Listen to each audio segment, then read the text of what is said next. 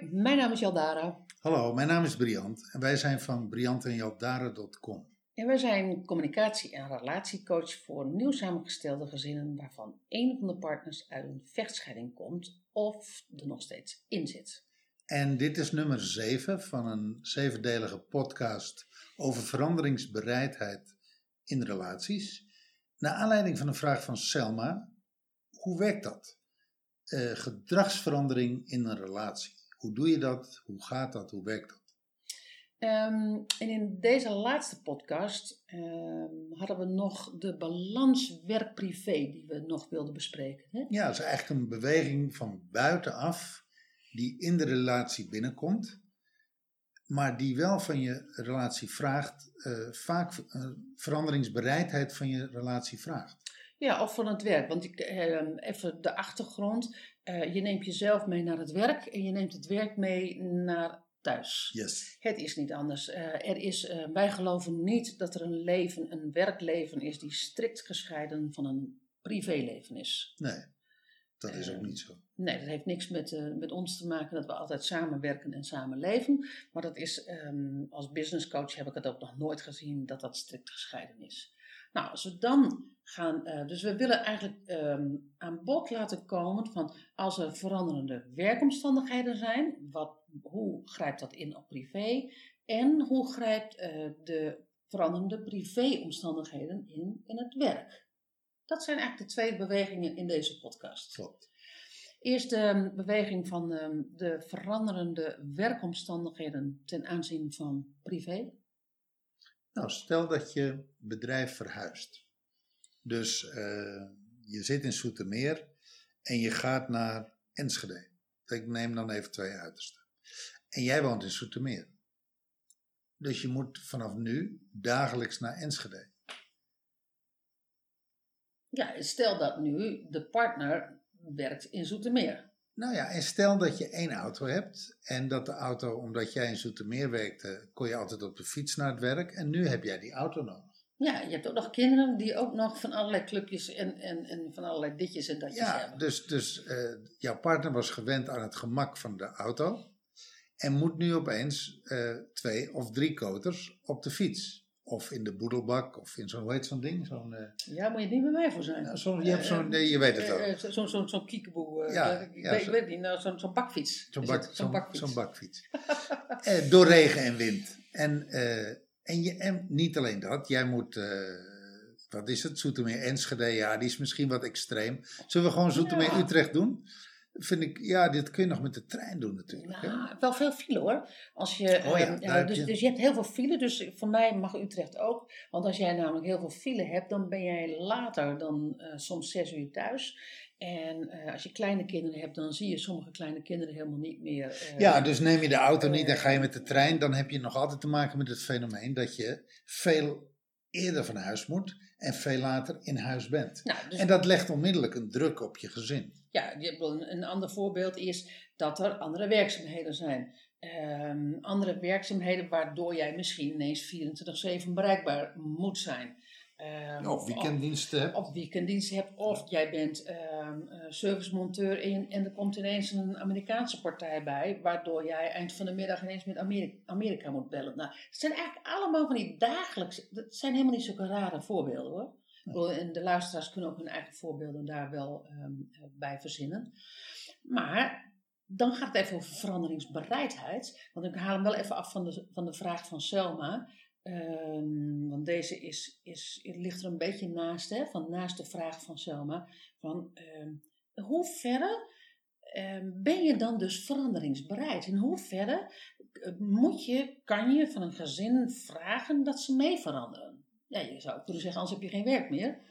Maar nou, dat, dat kan iets te simpel. Nee, maar dat, dat kan natuurlijk een economische eh, overweging zijn. Maar je legt automatisch. eh, kijk, op het moment dat jij minder thuis bent, eerder uit huis en later in huis, leg je een druk op je partner. Ja. Want die, eh, nou ja, die moet dan mogelijkwijs de kinderen altijd naar school brengen. En moet ook de kinderen eh, van school halen of moet de kinderen na, naschoolse opvang eh, regelen. Maar in ieder geval, eh, jouw partner krijgt automatisch meer eh, druk. Het is ook wel grappig dat jij dan zegt van eh, die partner moet meer opvangen. Ik, eh, ik denk dan, nou ja, ga maar naar de werkgever toe en vraag maar van, eh, kan ik hier drie dagen komen en twee dagen werk ik thuis. Ja, geweldig. Ja, Tuurlijk. maar dat vinden zo heel veel mensen ook niet leuk, hè, om thuis te werken. Ja, maar goed, kijk, dat Ja. is, dan, kom je weer bij, dan kom je weer bij dat stukje geven en nemen. Ehm, waartoe ben jij bereid om aan de ander tegemoet te komen? Is Ja. het zo vanzelfsprekend dat jij, dat jij eh, de ander opzadelt met de gevolgen van jouw werkzaamheden? Ja, want in dit stuk komt nog, komen nog wel een aantal andere fundamentele principes, mm, ehm, denk ik, naar voren. Is de balans van nemen en geven, balans, eh, wat de meeste mensen zeggen geven en nemen. maar- Dragen en gedragen worden? Precies, die, ehm, die gaat hier wel spelen. Ja, die speelt hier heel erg. Ehm, en ehm, wat is jouw plek? Want, want, want als de ander ook gewoon 100% werkt, ehm, ja, weet je, waar, aan wiens plek morrel je dan? En aan wiens balans morrel je dan? En dan is het erg de vraag, waar ben jij loyaal naar? Ja. Ben je loyaal naar, eh, naar het bedrijf? Ben je loyaal naar je bankaccounts? Ben jij loyaal naar eh, de partner die zegt van ja, weet je, hier heb ik helemaal geen zin in? Ben je loyaal naar de kinderen die lopen te morrelen omdat misschien ineens wel een oppas komt? Of dat ze naar buitenschoolse opvang moeten? Etcetera. Maar dat vraagt, dat vraagt een, een heel open gesprek waarin je bij spreken met lijstjes, met plussen en minnen. Ja, dat, dat, is echt dat is typisch zo'n lijstjesverhaal, ja. plus en minnen. Ja, En afstrepen. Want, want weet je, eh, stel dat, dat jouw partner net in een fase zit eh, waarin hij of zij heel erg bezig is met de, eh, met de balans werk-privé en de balans ik en mijn gezin. En dan eh dendert dit er zo tussendoor, weet je. Van de ene dag op de andere dag hoor je dat je gaat verhuizen en moet jij naar huis en moet je je partner vertellen, zou jij eh, een stuk meer willen dragen, want ik ben er even niet dat gaat lijnrecht in tegen de wens van die Ja, partner ja. om eh, meer eh, de balans ik en het gezin te vinden. ja, En kortom, er komt weer meer balans bij het gezin en minder balans bij ik. Nou, ja dus, dus, dat- dus, dus weet het kan dat- ook in een fase komen van, van de ander zijn leven waarin dat niet past. Klopt. Terwijl dat bedrijf verhuist gewoon door hoor. Want, want een bedrijf met een paar honderd mensen op de payroll, die gaat echt niet iedereen vragen van past het jou en past het jouw partner in hun levensfase. Dus het dendert gewoon door en je moet daar dus iets mee. Nou ja, weet je, dat is het mooie van veranderingsbereidheid. Daarin moet je altijd eh, eh, in dit soort situaties alles wegen. Is, Ja. is, het voor de, eh, weet je, is het voor mij nog in balans dat ik iedere dag zo ver reis? Ja, eh, is dat het allemaal wel waard? En de partner moet zich afvragen van ja, weet je, is, vind ik het wel waard? Dat, Ja, ik, dat ik veel meer moet opvangen. En blijft het allemaal nog wel in balans? Als dat doorslaand niet zo is, ja, dan moet je keuzes gaan maken. Dan moet je toch denken van nou, misschien toch een andere baan. Dan kom je natuurlijk terecht bij, ik heb een hypotheek, eh, dat zijn geen economisch makkelijke tijden, vind ik wel een baan.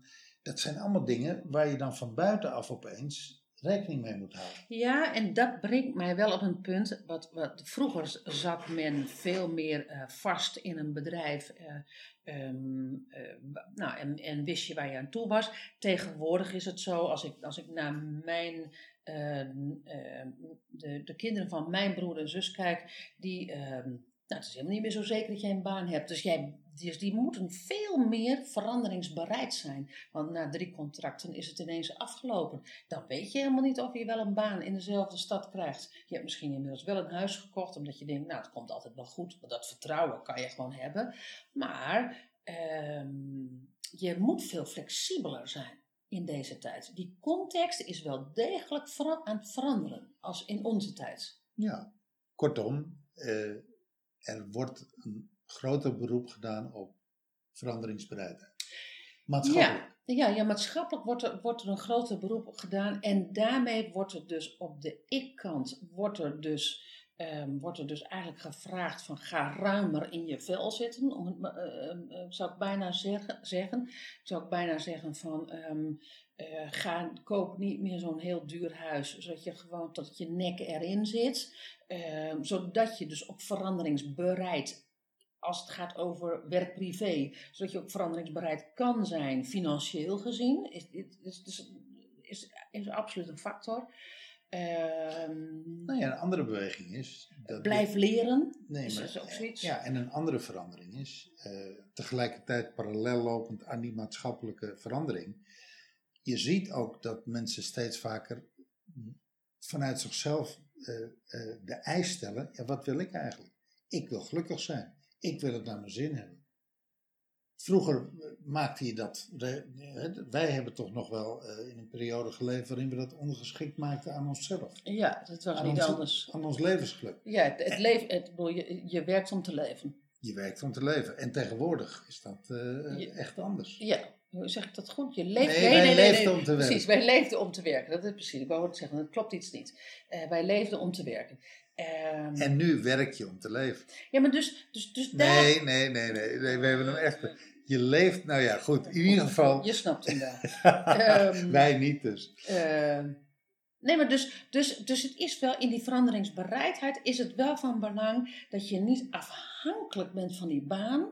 Dat je, niet, dat je jezelf blijft ontwikkelen, persoonlijk en ook gewoon op, op de, de, eh, de job die je hebt. Eh, dat je je blijft, ehm, ehm, ja, dat je blijft kijken, dat je blijft netwerken, waardoor je dus bewegingsruimte hebt, waardoor je dus veranderingsflexibiliteit hebt. Klopt. Dat is wel lastiger als je weer kinderen hebt, maar tegelijkertijd als je dat voor die, voordat je kinderen hebt, dat je daar al wat meer in geoefend hebt, ben je zeker flexibeler op het moment dat je wel kinderen hebt. Nou, dan de andere beweging. Wat als privéomstandigheden verandert en het werk hetzelfde blijft? Even een voorbeeld. Stel je voor dat je ineens een ziek kind hebt. Of Ja, en, en dermate ziek dat je eh, daar heel veel tijd en zorg aan moet besteden. Of dat je er heel veel zorg van hebt. Of dat je daar zorg van hebt. Ehm, de- Dat neem je mee naar je werk. Ja. En je hebt een baan waarbij je dat eigenlijk niet kan gebruiken. Want je, je, bent een high professional. Dus je moet je kop er echt bij houden. Je moet uitgerust zijn. Je moet gefocust zijn. En dat kan niet, want jouw aandacht is thuis. ja, In ieder geval, laten we zeggen, je, je gedachten gaan voortdurend uit naar het thuisfront. Maar goed, dat is ook met scheiden is dat zo. Dat is met een relatie die slecht loopt. Of dat is ook met een relatie die wel goed zit, maar waarvan de partner ineens ehm, eh, ontslagen is. Dus, dus daar de zorgen van. Dat is ook bij eh, met name van onze leeftijd, eh Briant, eh, zorgtaken van ouders. Klopt. Ehm, nou ja, hoe ga je, hoe ga je daarmee om? Want, want dan vraag je eigenlijk iets, want dat is iets wat jouw status quo is, en dan vraag je iets van het werk, wat niet altijd jouw gegeven kan worden. Nee, je legt, een, je legt een vraag neer. Feitelijk leg je indirect een vraag neer bij het werk. En dan is het maar net de vraag, eh, hoe veranderingsbereid is het werk om jou daarin, eh, laten we zeggen, om jou part-time te gaan laten werken of eh, flexibel te gaan laten werken. Of tijdelijk meer thuis. meer thuis te laten werken. Ja, Jij zegt veranderingsbereid en ineens denk ik van bewegingsbereid. ja dat is, bewegingsbereid. dat Misschien is dat hem wel. dat is een mooie. Want op het moment dat jij Ja, die echt past, die past eigenlijk die past beter hè, in, in deze Bewegingsbereid. laatste. Ja. ja. bewegingsbereid, ja, dat is maar een le- Nou, leuke dan, is, conclusie. dan, is dit, eh, dan is dit zeg maar de afvallige van de zeven.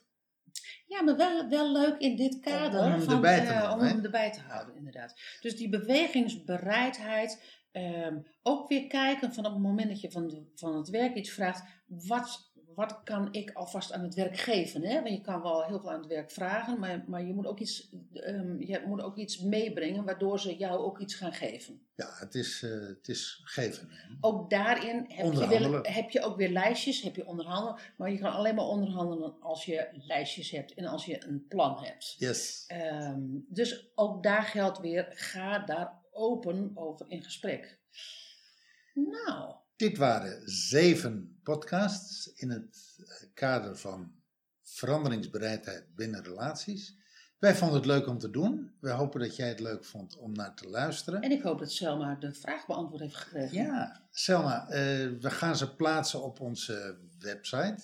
Laat in het commentarenveld even achter eh, wat je ervan gevonden hebt. Dat vinden wij leuk.